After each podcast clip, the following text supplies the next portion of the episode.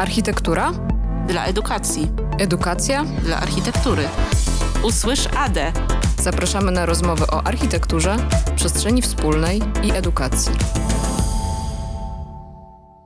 Zapraszamy do kolejnego odcinka cyklu podcastów Usłysz ADE.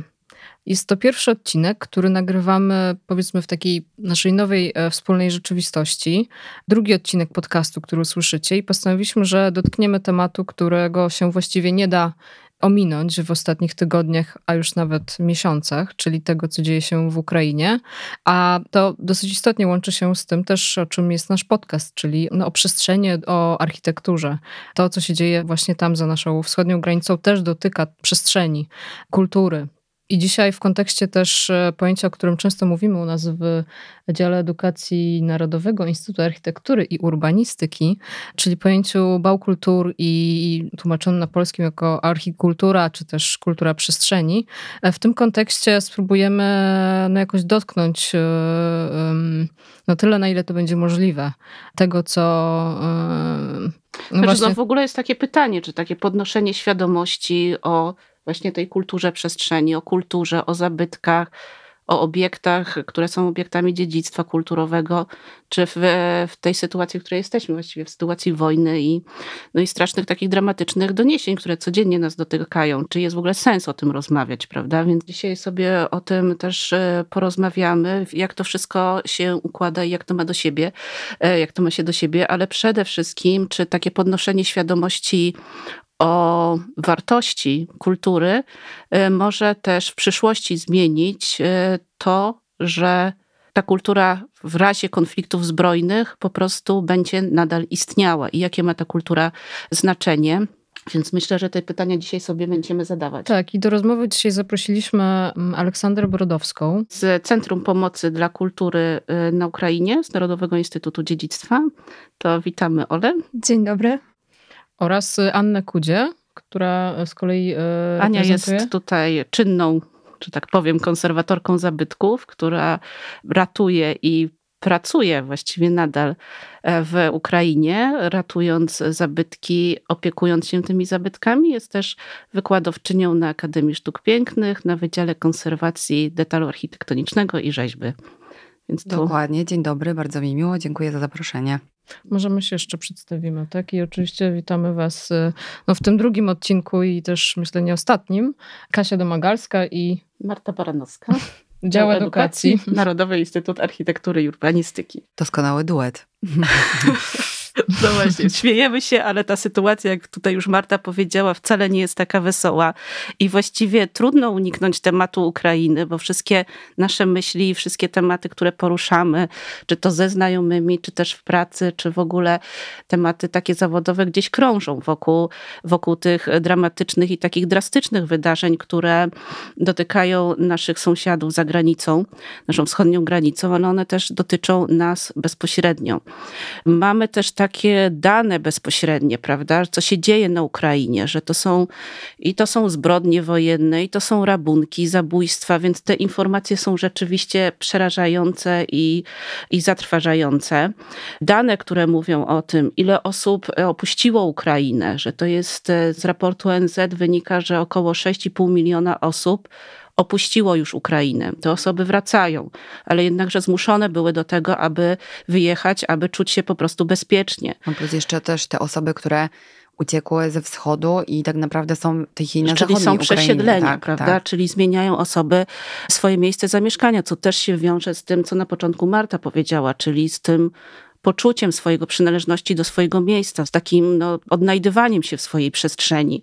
W tych danych też pojawiają się dzieci, które, no, te liczby też są przerażające. To jest około 4 milionów dzieci, które zostały zmuszone do tego, aby opuścić swoje bezpieczne miejsca, czyli swoje domy, czyli tą architekturę, która jest im tak naprawdę najbliższa i w której czują się bezpiecznie.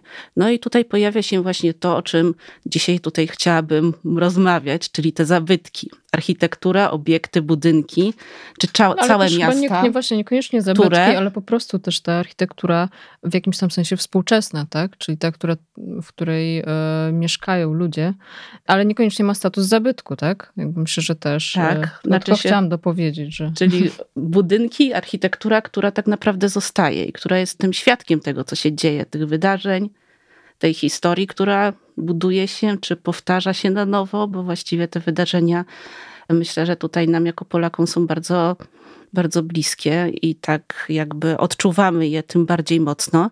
Więc ta architektura jest, ona tam zostaje, być może jest burzona, ale ona cały czas jest świadkiem tego, co tam się dzieje.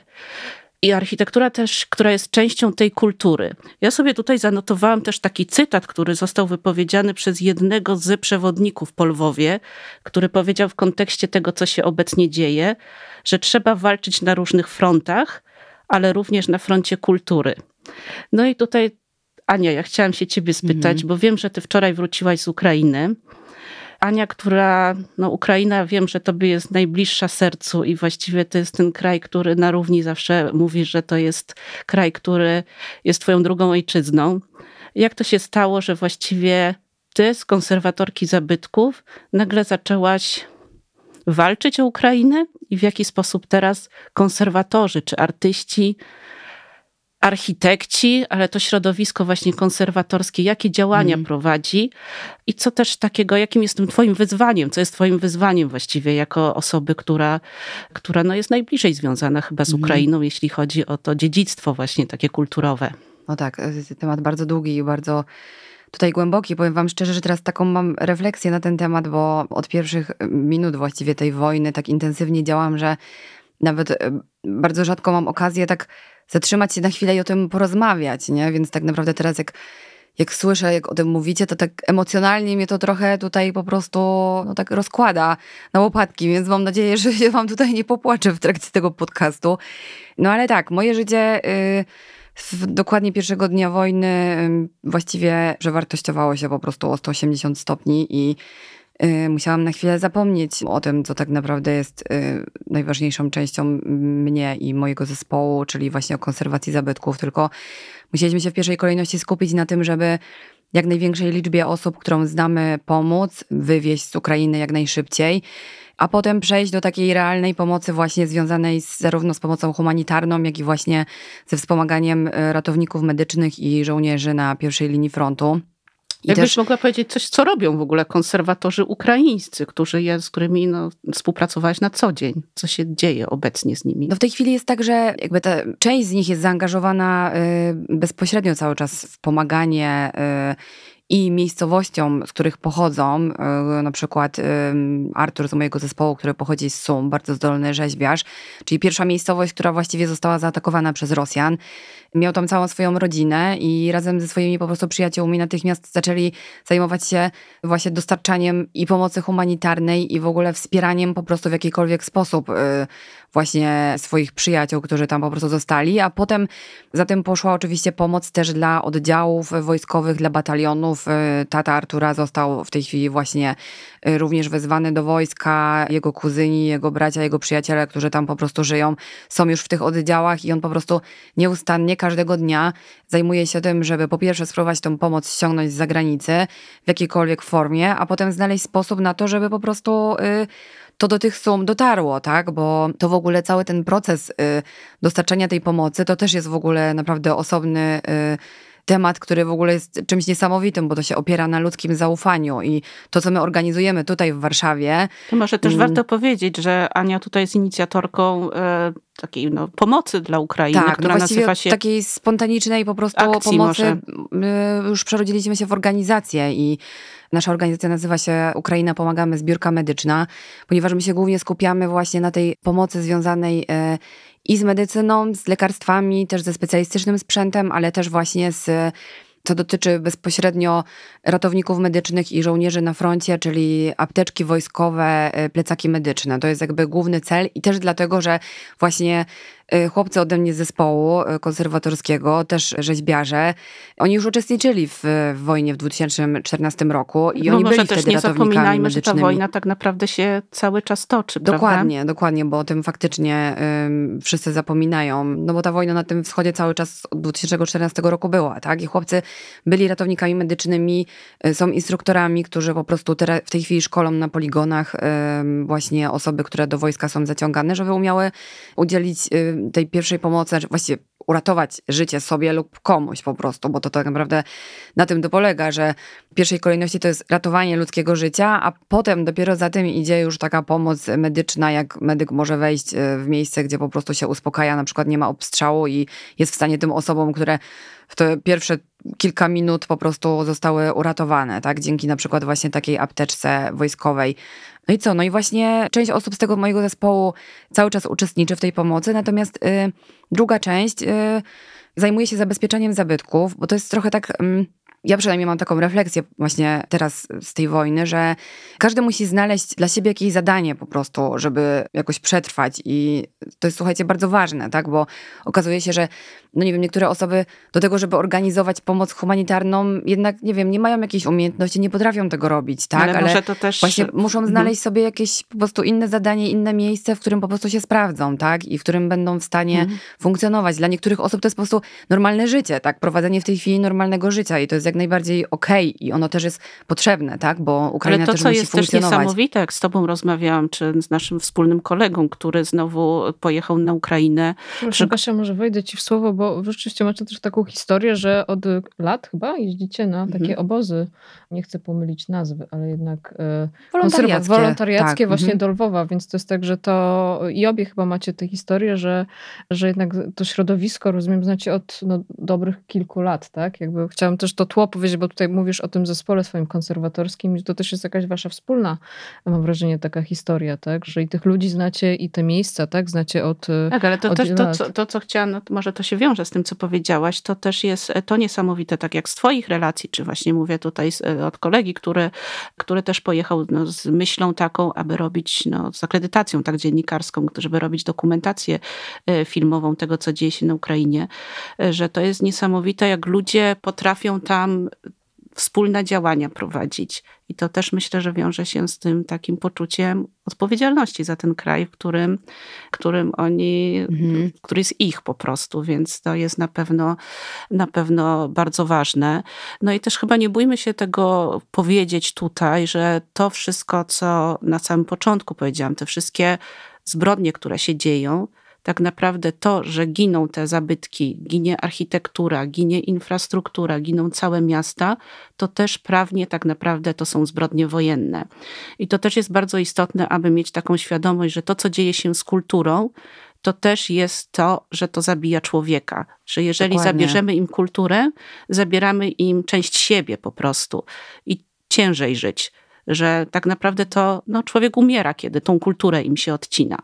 Więc to, to, to jest... Tutaj się też pojawia właśnie ten ciekawy wątek... Y bo my głównie myślimy tylko właśnie o tej utracie tego dziedzictwa materialnego, tak? A tu też chodzi o to, że właśnie to dziedzictwo niematerialne związane I tutaj z tym, myślę, że, że to jest przerwanie też, ciągłości jakiejś, tak? Dokładnie. Myślę, że to jest też ten dobry moment, aby tutaj Ola może, która zajmuje się i jest prawniczką też, która zajmuje się wszystkimi aspektami prawnymi i również w czasie konfliktów zbrojnych właśnie ochroną dziedzictwa kulturowego. Ola, jak ty uważasz, co tak naprawdę tracimy w czasie tej wojny w Ukrainie? Tak naprawdę co nie tylko my tracimy, co nie tracą tylko Ukraińcy, ale co naprawdę traci cały świat. Nie tylko Europa, ale cały świat.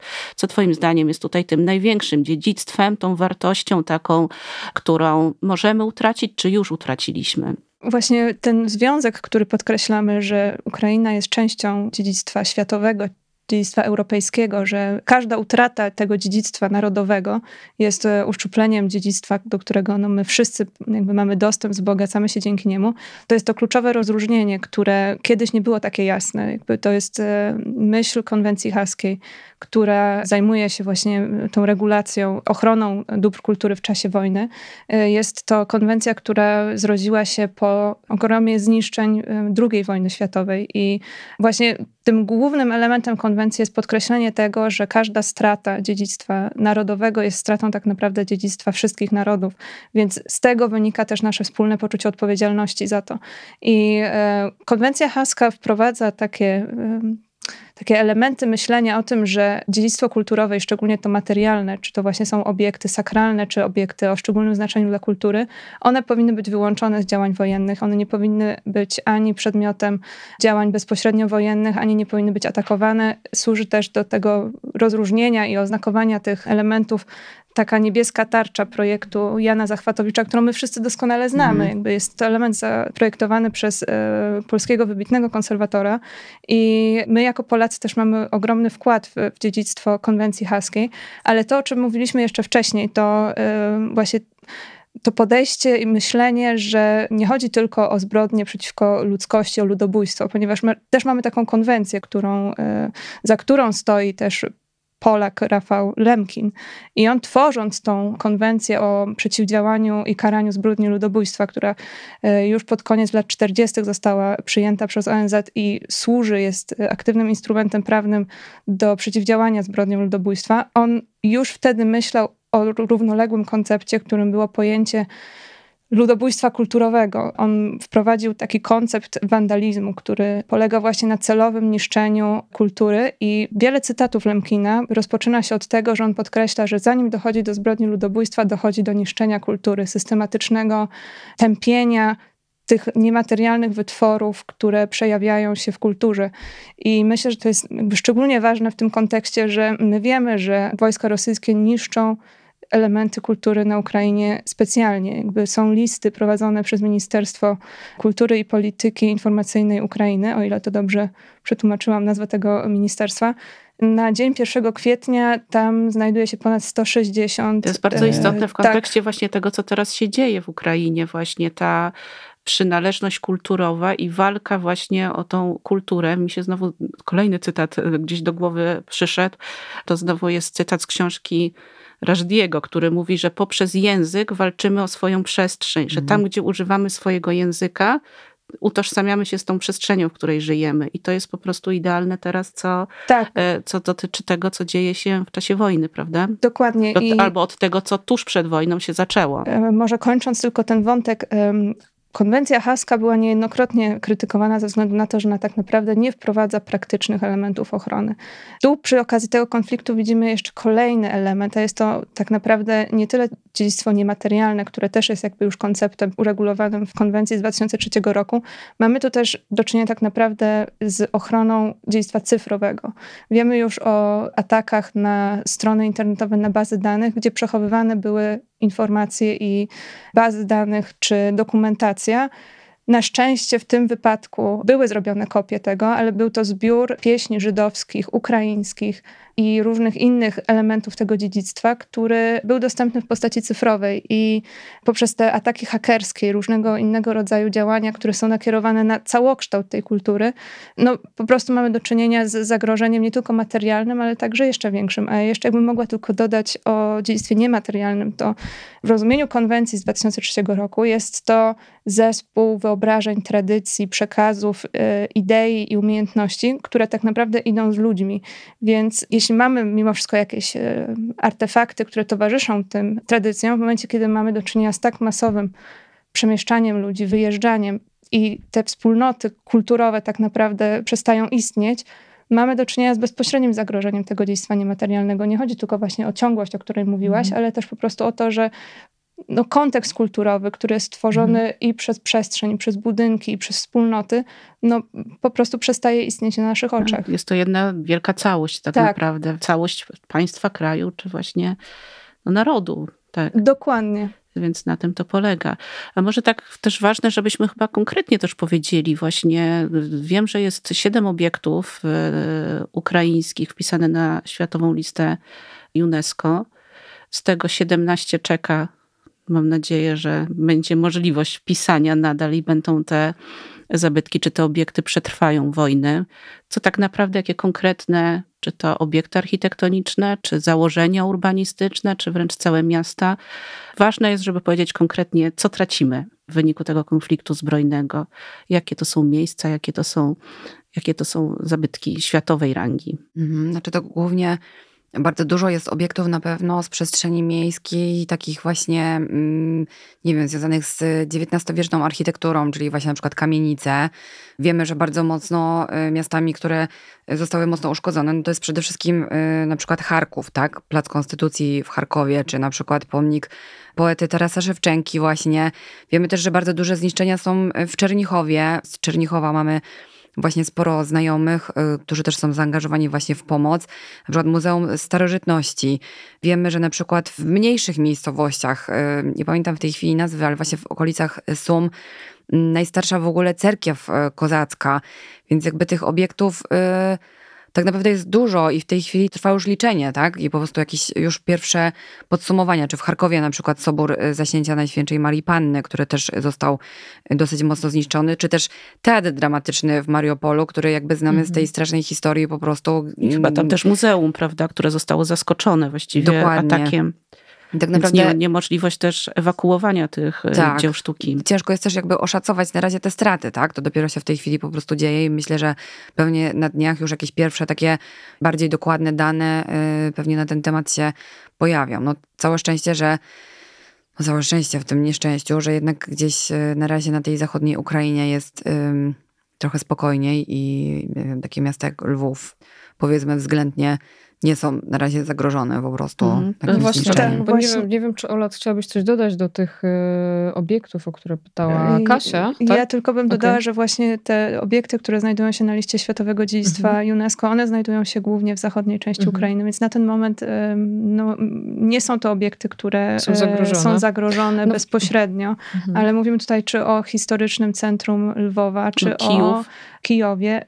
Ważnym elementem wpisanym na listę światowego dziedzictwa są drewniane cerkwie regionu karpackiego. Jest to też wpis, przy którym my mieliśmy swój udział i jest to dziedzictwo regionu Karpat, o które tak naprawdę my też jako Instytut jesteśmy zaangażowani we współpracę ze stroną ukraińską, y, jeśli chodzi o ochronę tych zabytków y, i y, tego dziedzictwa drewnianego, które jest szczególnie zagrożone w czasie wojny. No, jest to dziedzictwo, które jeśli jest pisane na y, listę światowego dziedzictwa, ono ma tak zwaną wartość y, Outstanding Universal mhm. Value, czyli oznacza to, że jest to wartość, która ponad, y, ponad dokładnie wymiarem. jest mhm. ponad uniwersalnym. Pon, dokładnie jest o oznaczeniu uniwersalnym dla ludzkości. Więc no tutaj też jest oczywiście jakaś przestrzeń do intensywniejszych działań międzynarodowych, no właśnie, czy właśnie też... UNESCO, czy innych podmiotów. O to też chciałam dopytać, już może przejść od tych obiektów, które tutaj wymieniłyście, czy bardziej Ania wymieniła, które jakoś tam zostały zniszczone, do być może jakichś strategii, które już się pojawiają, do próby ocalenia tego, co jest, co, tak jak mówimy, no jakoś to tak nazywamy jednak, że w tej zachodniej części e, one nie są, powiedzmy, te obiekty, zwłaszcza te, e, które są na liście UNESCO, zagrożone, ale jednak no, taką perspektywę gdzieś musimy widzieć, więc pytanie, czy jakieś takie strategie i w tych miastach, które no jednak cały czas są jakoś atakowane i w tych, które jeszcze nie są, już się pojawiają. Jakie takie bieżące działania są podejmowane, bo wiecie, będą nas słuchać mhm. bardzo różne osoby i być może trzeba też pewne rzeczy powiedzieć po prostu wprost. Tak? Jakie działania się tak na bieżąco robi, coś się zasłania, coś się zabiera, przenosi, wiecie, jakby takie, no tak, takie no tego typu. No, właśnie zabezpieczenie zabytków, tak? I mhm. myślę, że tutaj właśnie Solą akurat reprezentujemy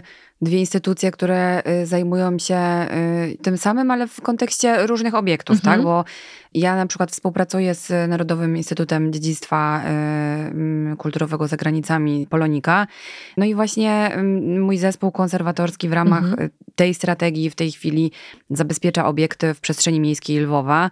Inne również, czy firmy konserwatorskie, czy konserwatorzy z Polski bardzo intensywnie też uczestniczą po prostu w tych pracach i i tak naprawdę z Instytutu udało się już ponad 140 obiektów e, właśnie w obwodzie lwowskim. Najdalej polscy konserwatorzy dojechali właśnie do Berdyczowa i do Winnicy. Mhm. Mm, I jeśli chodzi o sam Lwów, to jest w dużym stopniu właśnie zabezpieczanie tych cennych obiektów z przestrzeni miejskiej. Jeśli chodzi natomiast o mm, o okolice, czyli właśnie cerkwie drewniane, to jest przede wszystkim rozwożenie gasinic i no i też mm, zabezpieczanie na przykład obiektów w Iwano-Frankiwsku. Od takiej strony praktycznej, mhm. Y, jak to wygląda. W zależności oczywiście od obiektu podejmuje się różne po prostu działania. To jest w zasadzie ta sama tutaj idea, która jest nawet przy y, przy ratowaniu, przy konserwacji, czyli po prostu wszystko zależy od obiektu, tak? No Lwów już wiemy, że jest bardzo mm, mocno obfotografowany, więc jakby cały czas w internecie jesteśmy w stanie obejrzeć, jak to po mhm. prostu wygląda, tak? Jak no wygląda tak, zabezpieczanie rzeźb, e, zdjęcia, tak, tak, dokładnie. obiektów, e, nie wiem, czy kościołów, tak? Widzimy katedrę łacińską, gdzie mamy tak? witraże tak? po prostu y, zasłonięte właśnie blachami, rzeźby w przestrzeni miejskiej, mhm. które są właśnie mm, zabezpieczane kocami gaśniczymi, specjalnymi takimi tkaninami właśnie paroprzepuszczalnymi, no i też jeszcze albo blachami, albo właśnie takimi siatkami, które przy na przykład uderzeniu pocisku czy bomby gdzieś w pobliżu właśnie jakby przepuszczą przez siebie po prostu tą falę uderzeniową i to pozwoli może w jakiś tam sposób, y, no nie wiem, mniej będą po prostu mhm. zniszczone, tak? No i też oczywiście worki z piaskiem, czyli mhm. taki tak, po prostu chyba... Też krążą, no. Tak, no tak naprawdę najlepsza chyba ochrona, tak? Ale wiele z tych obiektów też jest zabezpieczanych właśnie przed y, powiedzmy takim trochę działaniem, gdyby do miasta na przykład wyszło wojsko, tak? Bo powiedzmy sobie hmm. szczerze, że po prostu te pociski, te rakiety, które są zrzucane, tak naprawdę obracają wszystko po prostu w drobny mak, tak? Więc y, jakby może teraz tutaj Ola coś więcej powie o zabezpieczaniu właśnie mm, obiektów muzealnych, tak? Które może są po prostu chowane. dokumentacji też, nie wiem. No znaczy, o tak, to bo to jest bardzo ważna tym, część. Tym, no ja zapomniałam o tym powiedzieć, że y, też właśnie przy zabezpieczaniu tych obiektów jest prowadzona dokładna dokumentacja, mhm. czyli przed y, zabezpieczaniem każdej rzeźby jest wykonywana dokumentacja fotograficzna, fotograficzna, są mhm. wykonywane również skany 3D na tyle, na, na mhm. ile teraz y, jesteśmy to w stanie to zrobić. My z tego naszego doświadczenia, właściwie może nawet warszawskiego czy polskiego, to dokładnie pamiętamy y, inwentaryzację przeprowadzoną przez profesora Zachwatowicza, prawda, dzięki któremu właściwie Warszawa zniszczona totalnie mogła być odbudowana. A jak to wygląda? Czy macie informacje, czy taka inwentaryzacja była prowadzona?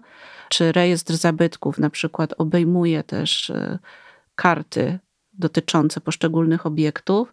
Czy teraz właśnie takie działania są prowadzone? I również te działania w kontekście właśnie takiej współpracy e, środowiska konserwatorskiego czy instytucji mhm. zajmujących się zabytkami polsko, środowiska polsko-ukraińskiego. Jak to wygląda tutaj, myślę, że Ola jako, mhm. jako centrum pomocy właśnie tej związanej z kulturą, to może ty tutaj byś przekazała tak, takie informacje. Tak, tak. Ja chętnie opowiem może najpierw o całokształcie działań, które my no podejmujemy. Tak, tu kilka mhm. wątków się pojawiło. Pierwszy może, który pociągnę jeszcze zanim zapomnę w odniesieniu do tego, co przed chwilą powiedziała Ania, sam proces zabezpieczania zabytków tak naprawdę już jest czasem niebezpieczny dla tego zabytku. Wyjmowanie go, przenoszenie, mhm. to y, czasem jest ostateczność dla niektórych obiektów, więc to też y, nie zawsze ta decyzja o czy zabezpieczaniu, czy ewakuacji z jednego miejsca na drugie zapada odpowiednio szybko, ponieważ y, to są decyzje, które zazwyczaj podejmuje się tak naprawdę w ostateczności, jakby czy właśnie zabezpieczanie elementów archiwalnych, czy jakichś jakichś ksiąg w bibliotekach, to, to nie są elementy, które można, że tak powiem, e, łatwo przenosić, zabezpieczać i też te mm, materiały, czy różnego rodzaju sprzęt, który jest do tego potrzebny, no on nie jest tak łatwo dostępny. I tutaj właśnie pojawia się działalność naszego centrum, które działa tak naprawdę od pierwszego dnia wojny, a zostało powołane nawet dzień przed, ponieważ sytuacja była już na tyle napięta, że no my w Polsce wiemy, z czym wiąże się wojna, więc e, myślenie od razu było nakierowane na to, że e, kultura jest tym zasobem, Żeby który ocalić. trzeba chronić, że trzeba ją ocalić, dokładnie. I na ten moment centrum wysłało ponad, jesteśmy w trakcie wysyłania 22 transportu, który zawiera elementy różnego rodzaju, tak jak właśnie mówiłaś, czy są to worki z piaskiem, czy są to gaśnice, czy sprzęt bardziej specjalistyczny. To nie jest pomoc w ciemno. My pozostajemy w kontakcie z ponad 50 instytucjami, czy to są muzea, czy archiwa, czy biblioteki, z obszaru całej Ukrainy. Ze względów takich bezpieczeństwa, ponieważ no, działamy mimo wszystko w warunkach wojny, ja wolałabym nie ujawniać, z którymi dokładnie my mhm. instytucjami mhm. współpracujemy, ale ta współpraca jest bieżąca i my otrzymujemy bardzo specyficzne listy od każdej z tych instytucji i dzięki współpracy, którą koordynujemy jako takie centrum, można powiedzieć, mhm. dowodzenia tej pomocy zarówno z instytucji krajowych, jak i z instytucji zagranicznych, my jesteśmy w stanie przysłać takie transporty do y, instytucji według ich zapotrzebowania. Wiadomo, że to nie jest transport, który dochodzi z dnia na dzień, tylko zajmuje to odpowiednią ilość czasu, to mm, musi jednak przejechać Właśnie razem. prawda też taka, że tego czasu teraz już trochę więcej mamy, tak? Bo tak, Tak. naprawdę y, te pierwsze momenty, jak się to wszystko zaczęło, to wiecie, to wyglądało tak, że po prostu jak już wszyscy się zorientowali, że jest wojna, bo tak naprawdę przez kilka dni to panował taki trochę marazm i wszyscy nie do końca mogli, nie byli w stanie w ogóle uwierzyć w to, co się dzieje i tak naprawdę ta pomoc ogólna i związana z zabytkami ruszyła trochę po prostu, yy, no już po kilku dniach po prostu, nie? I, I dopiero jak się wszyscy zorientowali, że to zagrożenie naprawdę jest duże, jest poważne, jest blisko i w każdej chwili w ogóle jeszcze było zagrożenie, że wojska białoruskie mogą wejść, to naprawdę to wszystko działo się w takim szaleństwie. To były po prostu szybko wykonywane telefony, szybkie decyzje, co robimy, czy tu zabezpieczamy, czy które rzeźby, co jest po prostu jakby najważniejsze. Nie? Teraz już tego czasu mamy trochę więcej i możemy jakby trochę robić to spokojniej, tak? Bo powiedzmy, że ta sytuacja jest jakoś na razie w miarę stabilna, co prawda jakby nie wiemy, co przyjdzie do głowy po prostu Putinowi, co się może wydarzyć jutro, ale gdzieś tam trochę tego czasu po prostu zyskaliśmy, tak? Bo tak naprawdę w ogóle ten czas do pewnie do zabezpieczenia tych zabytków to był już dużo, dużo wcześniej, tak? Od wielu No, ja miesięcy myślę, że mieliśmy informacje po prostu o tym, że- ale nie ma Mhm. co wracać pewnie do tego, tylko trzeba jakby działać już teraz właśnie y, na bieżąco, nie? Tylko po prostu właśnie tak uświadomić, że te pierwsze dni to naprawdę to był jakiś totalny koszmar po prostu dla wszystkich i pamiętajmy też o tym, że nasi właśnie przyjaciele i, i wszyscy znajomi i właśnie konserwatorzy miast, y, nie wiem, czy właśnie główna konserwatorka Lwowa, czy też innych miast działali naprawdę pod ogromną presją i pod ogromnym stresem. To jest, y, to jest słuchajcie, tak niewyobrażalna sytuacja, że ja nawet jadąc do Lwowa teraz, jak wyją po prostu te syreny, te alarmy, po prostu to i tak jest nieporównywalne do tego, jaki ten stres ludzie mieli po prostu na początku, tak? I w takim stresie mm, jest Znaczy w tak miastach, trudno które podejmować tak w ogóle jakieś przestały decyzje. istnieć, tak? Które, Tak, dokładnie, Które no, no, ucierpiały najbardziej. Więc teraz dobrze, że tego czasu trochę więcej jest i można to właśnie jakoś tak po prostu y, już tą pomoc i tak docelowo Mhm. kierować i, i też jakby trochę bardziej po prostu właśnie można przemyśleć to, co może być po prostu zrobione. Mhm. Czyli rozumiem, że strategia jest taka, że zabytki, w tym y, dzieła, czy to malarstwa, czy dzieła sztuki, zostają w Ukrainie. Że nie ma tej ewakuacji dzieł sztuki, tylko że one zostają tam na miejscu i są tam zabezpieczane. A pytam się też to w kontekście takim później reparacji wojennych, czyli właściwie już myśląc o tym, mając nadzieję, że wojna szybko się skończy. Jakie są konsekwencje też prawne, jeśli chodzi z, z doświadczenia, no historii, prawda? Wiemy, że wiele zabytków jest wywożonych z krajów e, objętych właśnie konfliktem zbrojnym, które później nie wracają na, na swoje miejsce. Więc jak to wygląda tutaj w przypadku Ukrainy? Właśnie uśmiecham się, bo pytanie, czy jest to wywóz legalny. Tak. Podejrzewam, że raczej nie. Tu, tu Mhm. też mamy konwencje, które regulują te nielegalne wywozy i starają się im przeciwdziałać. Coraz więcej chyba na ten temat się mówi, prawda? Tak, mówi się na ten temat coraz więcej. Jest to, znaczy konwencja, która ustanawia pewne ramy do tego, jest to konwencja UNESCO Mhm. z 1970 roku.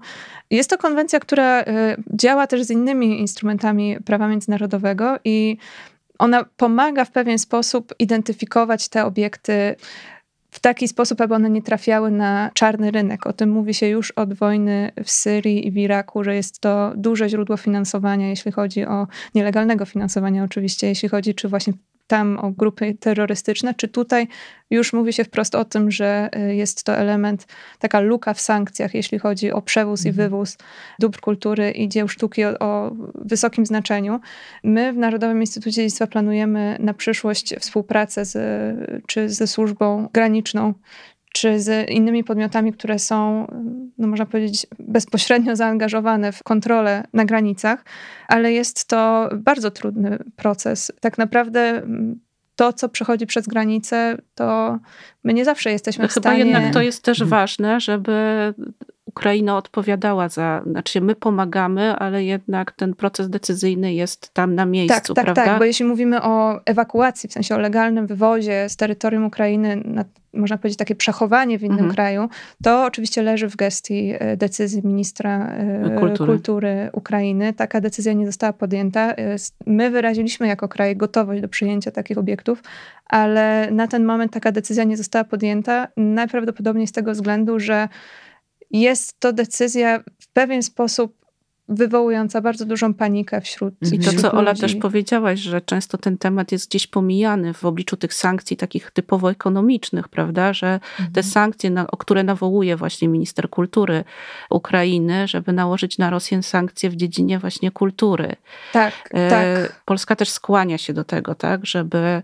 Jest to z drugiej strony trudny temat, prawda? Bardzo. Wiedząc też o tym ogromnym dziedzictwie kultury rosyjskiej, No prawda? Właśnie, no. Tak, tak, E, tak. Szczególnie, że my nie mówimy tutaj o bojkocie. Jakby to, Tak. to jest zupełnie To jest co innego. In, inne pojęcie. Mówimy o. A e, często to gdzieś jest też utożsamiane, prawda? Tak, a co też paradoksalnie wiąże się w pewien sposób z mm, problemem i dużym absurdem w tej sytuacji, ponieważ em, mniej więcej tydzień temu pojawiły się zdjęcia kamienicy, w której e, Czajkowski Tak, chciałam też komponował nawiązać swoje... do tego, Tak. który jest uznany za ambasadora rosyjskiej no kultury. właśnie, zostało to miejsce zniszczone w wyniku celowych działań rosyjskich, e, co też pokazuje, że tak naprawdę dziedzictwo Ukrainy jest wspólnym dziedzictwem Mhm. bardzo wielu krajów i mm, no, my wszyscy tracimy na tym konflikcie. To coś w sposób e, często nieodwracalny, ponieważ nie każde straty można odbudować, e, nie każde dziedzictwo można przywrócić.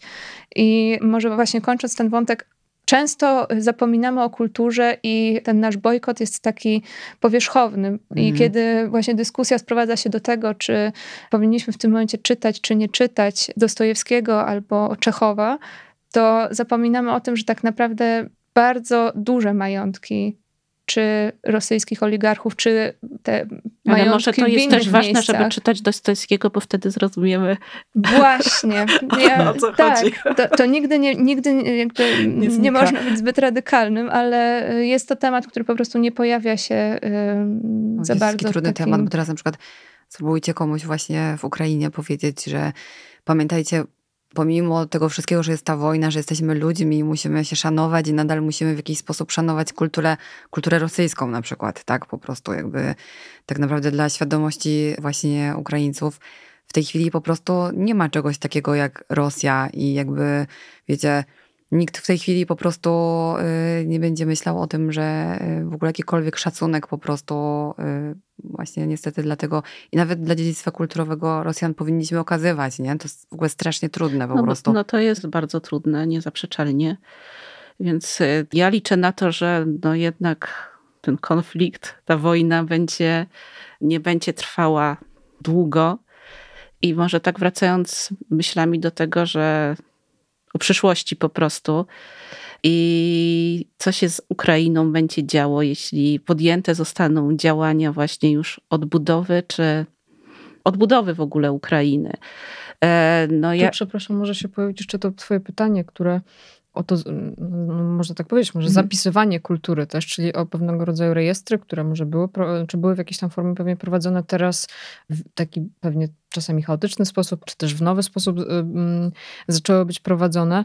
I no i właśnie, może ten wątek też, y, na ile będzie można korzystać już z tego, co zostało gdzieś tam zanotowane odnośnie tej kultury materialnej, w formie właśnie albo odbudowy, albo jakichś innych ścieżek, tak? Jakby e, tego, w jaki sposób tę kulturę materialną w przyszłości można odbudować, ale no pytanie, jaką też strategię tutaj wybrać, tak? Mhm. Ja tylko chciałam jeszcze wspomnieć, że właściwie teraz są opracowywane właśnie przeróżne raporty, czy to jeśli chodzi o odbudowę Ukrainy pod kątem właśnie odbudowy dziedzictwa kulturowego, ale też przede wszystkim raporty ekonomiczne, które, które są przygotowywane w oparciu o dane i statystyki no, typowo finansowe, tak? jakie to są straty w przeliczeniu na pieniądze. I no, co się wiąże też i z reparacjami wojennymi, ale i z możliwością przywrócenia Ukrainie tego stanu, który miała przed wojną. No i być może jest, są jakieś pomysły już na to, e, w jaki sposób pomóc Ukrainie tutaj ze strony polskiej, jak się, czy nasze środowisko tutaj się w to włącza, czy plany właśnie międzynarodowe. Czy to pewnie by trzeba było już, nie wiem, czy my jesteśmy kompetentnymi osobami do tego, żeby o tym mówić, tak? Bo to pewnie trzeba byłoby i pewnie, nie wiem, z przedstawicielami Ministerstwa Narodowego Instytutu y, rozmawiać, y, ale y, jestem przekonana o tym, że takie plany już są, tak? I myślę, że pewnie, no ja to będę jakby mówić w swoim imieniu, pewnie jako właśnie konserwator, praktyk, no nie wiem, pewnie razem ze swoim zespołem no my już od dawna jakby wyrażaliśmy taką gotowość, że y, no i wielu konserwatorów też z Polski, że jak najbardziej pomożemy w ogóle w takim rzeczywistym odbudowywaniu, tak? Czyli tam, gdzie ta po prostu praktyka konserwatorska będzie potrzebna. Ale myślę, że mm, wiecie, jeśli chodzi jeszcze o ten rejestr zabytków, tak? No to on na Ukrainie był prowadzony i tak naprawdę teraz też przy okazji zabezpieczenia tych obiektów też bardzo dużo właśnie powstało fajnych dokumentacji, bo no bo wszyscy ruszyli do tej pomocy i też na mhm. przykład znajomi, którzy właśnie firmę e, skaningową na przykład mają w tej chwili bardzo dużo obiektów właśnie e, zeskanowali, więc dużo takich dokumentacji bardzo mhm. ciekawych powstaje, tylko pewnie też będzie trzeba trochę czasu, żeby to wszystko zebrać w jakąś po prostu jedną bazę danych, ale dużo się, tak jakby w tym temacie dzieje. No jeśli chodzi o tą odbudowę, to myślę, że, że na pewno, bo mm, nie wiem, jaką Ola ma tutaj wiedzę na ten temat. No jak gdzieś tam tyle, co słyszę y, gdzieś w międzyczasie, po prostu przepakowywując jednego busa do drugiego, no to wiem, że takie plany są y, na pewno tutaj jakby budowane i są podejmowane. E, ja myślę, że to, że rozmawiamy o rekonstrukcji w Warszawie, to jest przede wszystkim bardzo ważne i symboliczne w pewien sposób, ponieważ jesteśmy kilka metrów od Starego Miasta, które jest jedynym obiektem na Światowej Liście UNESCO, który jest obiektem rekonstruowanym i całą tą rozmowę o właśnie rekonstrukcji warto zacząć od tego, że jednym z kryteriów e, wpisu na listę Światowego Listwa UNESCO jest kryterium autentyczności, co oznacza, że tkanka tego obiektu nie powinna jakby być zanadto zmieniona, tak samo jego kontekst. Natomiast my mówimy tutaj o obiekcie, który został w całości odbudowany i ze względu na oddanie szacunku temu procesowi, jakby mm, temu bohaterstwu warszawiaków i właściwie wszystkich Polaków, którzy się w pewien mhm. sposób składali na odbudowanie Starego Miasta, ten element został wpisany i jako ten wyjątek on zapoczątkował właśnie taką nową ścieżkę myślenia w doktrynie konserwacji odbudowy, która jako cały system jest bardzo restrykcyjna, jeśli chodzi o odbudowę zabytku. Jakby większość konserwatorów mówi, że nie ma czegoś takiego jak odbudowany zabytek. Natomiast w kontekście wojny zaczynamy podchodzić Trochę do tego tak, myśleć. jako pewnego rodzaju wyjątek. I Narodowy Instytut Dziedzictwa w 2018 roku zorganizował taką konferencję, której efektem była rekomendacja warszawska w sprawie rekonstrukcji i odbudowy. Cały ten dokument zawiera szereg takich, można powiedzieć, wskazówek y, na temat procesu odbudowy we współczesnym kontekście. Dokument powstał raczej jako taka rekomendacja w odbudowy w Iraku czy, czy w mhm. Syrii, natomiast jest to dokument, który jest jak najbardziej aktualny i w tym kontekście. Co... No i też jest, e, że tak powiem, no, aktualny ze względu na czas, kiedy, w którym powstał. Powstał e, we współpracy z różnymi e, międzynarodowymi organizacjami, czy UNESCO, czy, czy mhm. Bankiem Światowym i zakładał właśnie taką holistyczną filozofię myślenia o rekonstrukcji, że powinien być to proces, który bardzo uwzględnia potrzeby społeczności, który też e, no jakby patrzy na budowę nie jako na coś, co jest właśnie przez konserwatorów postrzegane jako jakiś dziwny proces, który tak naprawdę nie ma nic wspólnego z zabytkiem, tylko właśnie jako taki element odzyskania tej ciągłości i jakby mhm dania społecznościom mhm. możliwości, to, żeby też, odzyskać tą tak, swoją sprawczość. Odzyskać też swoją tożsamość poprzez Dokładnie. właśnie przywracanie tej architektury, przywracanie tych miast, przywracanie tego, tego dziedzictwa, ale to, co powiedziałaś w tym kontekście współczesności, to też jest, to też jest bardzo istotne, że bierze się pod uwagę właśnie no, te czasy, w których żyjemy. Znowu w tych raportach, z którymi ja się zapoznałam, jest duży nacisk położony na to, że właśnie architektura może przeciwdziałać, czy działać e, dla bezpieczeństwa przyszłego, prawda? Więc czy to budynki bezemisyjne właśnie, czy, czy właśnie myślenie w ten sposób, że mamy dziedzictwo, zabytek, ale i czasy, w których, w których, e, w których żyjemy. Dokładnie. Właśnie jedna z tych zasad rekomendacji warszawskiej, która mówi o takim jakby odbudowaniu, ale lepszym. Ona w... Pytanie, co znaczy lepsze, tak, prawda? Mhm. Właśnie, ale ona jakby mm, bezpośrednio w tym dokumencie nazywa się Build Back Better, czyli jakby odbudujmy z mhm. powrotem, ale z uwzględnieniem jakichś zagrożeń. Rzeczy, które, Już tak. ten język angielski jest w stanie uchwycić te... Tak. może, może, jest, może jest pro, pro, prostszy jest, w Jest trochę prostszy, tak, ale tak. właśnie może kończąc e, już tą kwestię odbudowy... I w ogóle bo, tak się zbliżają. Tak, zbliżają się do końca. My często używamy, jakby bazujemy na tym e, doświadczeniu II wojny, często się mówi o nowym planie Marszala tak, dla Ukrainy. No, no, jest. Właściwie Dokładnie. już przygotowywany. Ale to na pewno nie będzie jakby powtórzenie tego. Kontekst się zmienił, wszystko się zmieniło. Też nasze myślenie o dziedzictwie jest inne. Jakby nie myślimy już tylko o tym materialnym zespole, tylko też No to, właśnie... co też wspominałaś o Mhm. cyfryzacji, tak, o prawda, cyfryzacji, O digitalizacji. Do- niematerialnym. Tak naprawdę temat odbudowy niematerialnego dziedzictwa jest czymś tak samo nieodkrytym, jak odbudowa materialnego To- ja- dziedzictwa była Ja po kończąc powiem tak, mam nadzieję, że na następnym podcaście spotkamy się i będziemy już rozmawiać o konkretnych planach na odbudowę i działania prowadzone wspólnie w wolnej, znaczy wolna Ukraina. lepszym to świecie W lepszym świecie. Tak. Tak, w lepszym świecie, kiedy, kiedy Ukraina będzie po prostu Ukrainą, jaką była. My też już bardzo na to liczymy i, i czekamy po prostu Mhm. na ten moment, żeby on nastąpił jak najszybciej. Tak, bardzo No, Wam też dziękujemy dziewczyny za czas. Dla Ciebie Ania też na pewno jest to bardzo intensywny czas, dla Ciebie też, więc bardzo dziękujemy za, no właśnie za ten Wasz czas, gdzie też no, jakby z tą myślą i z tą wiedzą też, którą obie tutaj włożyłyście, dałyście ją dalej w świat, tak, że to jest jakaś tam wartość, nomen omen znowu kultura. No i Więc- mając nadzieję, że ta wiedza nie będzie potrzebna, to znaczy, U nas, że, że no będzie tak, jedno, już- jednorazową wiedzą. To, No, to to- my dziękujemy dziewczyny za super robotę i za to, że właśnie dajecie nam taką możliwość, żeby opowiadać o tym, co robimy, o tym, co się dzieje i żeby też e, więcej osób dowiedziało się o tym, że w tych trudnych czasach bardzo dużo ludzi mobilizuje się i działa te, w tej słusznej sprawie, co no, jest jakimś takim oparciem. Tak, Właśnie. i to jeszcze na koniec też właśnie jeszcze taka refleksja, że pamiętajcie o tym, że wojna cały czas trwa i ta pomoc, y, która na początku była taka bardzo entuzjastyczna, jest nadal potrzebna, także jeśli macie jeszcze możliwość, macie jakąś przestrzeń na to, żeby pomagać, róbmy to cały czas, bo Ukraina naprawdę teraz Potrzebuje. jeszcze bardziej potrzebuje tej pomocy I i y, od wsparcia. nas. Tak, To dziękujemy. Dziękujemy. Dziękujemy. dzięki. Architektura, Dla edukacji, edukacja. dla architektury. Usłysz Adę. Zapraszamy na rozmowy o architekturze, przestrzeni wspólnej i edukacji.